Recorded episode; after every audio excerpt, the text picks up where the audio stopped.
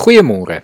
Ek lees graag vanoggend vir ons Psalm 34 vanaf vers 1 tot en met 11 voor. 'n Lied van Dawid. Hy het hom kranksinnig gehou by Abimelek, die het hom weggejaag en hy het pad gegee. Ek sal die Here altyd weer prys. Sy lof sal altyd op my lippe wees. Ek sal die roem van die Here sing. Die wat swaar kry, sal dit hoor en daaroor bly wees. Sing saam met my oor die grootheid van die Here en laat ons saam sy naam prys. Ek het die Here aangeroep en hy het my geantwoord. Hy het my gered uit alle doodsgevare. Die wat swaar kry, sien op na hom en straal van blydskap. Hulle word nie teleurgestel in hulle verwagtinge nie. Ek is een van die ellendiges wat geroep het. Die Here het gehoor. Uit al my benoudhede het hy my gered. Die engel van die Here slaan sy laar op rondom die wat die Here dien en red hulle. Kom ondervind en sien self dat die Here goed is. Dit gaan goed met die mens wat by hom skuil. Julle wat aan die Here behoort, dien hom. Wie hom dien, het geen gebrek nie. Selfs leeu's ly gebrek en kry honger. Maar wie die Here se hulp vra, kom niks kort van al die goeie dinge nie. Ek het Sondag tydens die preek genoem watter effek ons lofprysing op die wêreld en spesifiek op die bose het.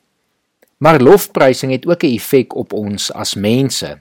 Vir die een wat self sing en ook vir die wat die lofprysing aanhoor vir Paulus en Silas wat in die tronk tot lof van God gesing het, het die ander gevangenes die voorreg gehad om daardeur die evangelie te hoor. Hier in Psalm 34 hoor ons dat die wat swaar kry, Dawid se lofprysing hoor en dan bly is daaroor. Op die stadium wat Dawid hierdie Psalm skryf, lees ons dat dit nie goed gaan met hom nie. Hy moes homself kranksinnig gehou het net om aan die lewe te bly. Maar sê hy dan self, ek sal altyd weer die Here prys. Sy lof sal altyd op my lippe wees. Om die Here te loof en te prys, het dit 'n goeie effek op die wat sing, die wat die lof bring, maar ook op die wat dit aanhoor. En daarom wil ek vanoggend die uitnodiging van Dawid in vers 4 ook aan jou rig. Sing saam met my oor die grootheid van die Here en laat ons saam sy naam prys.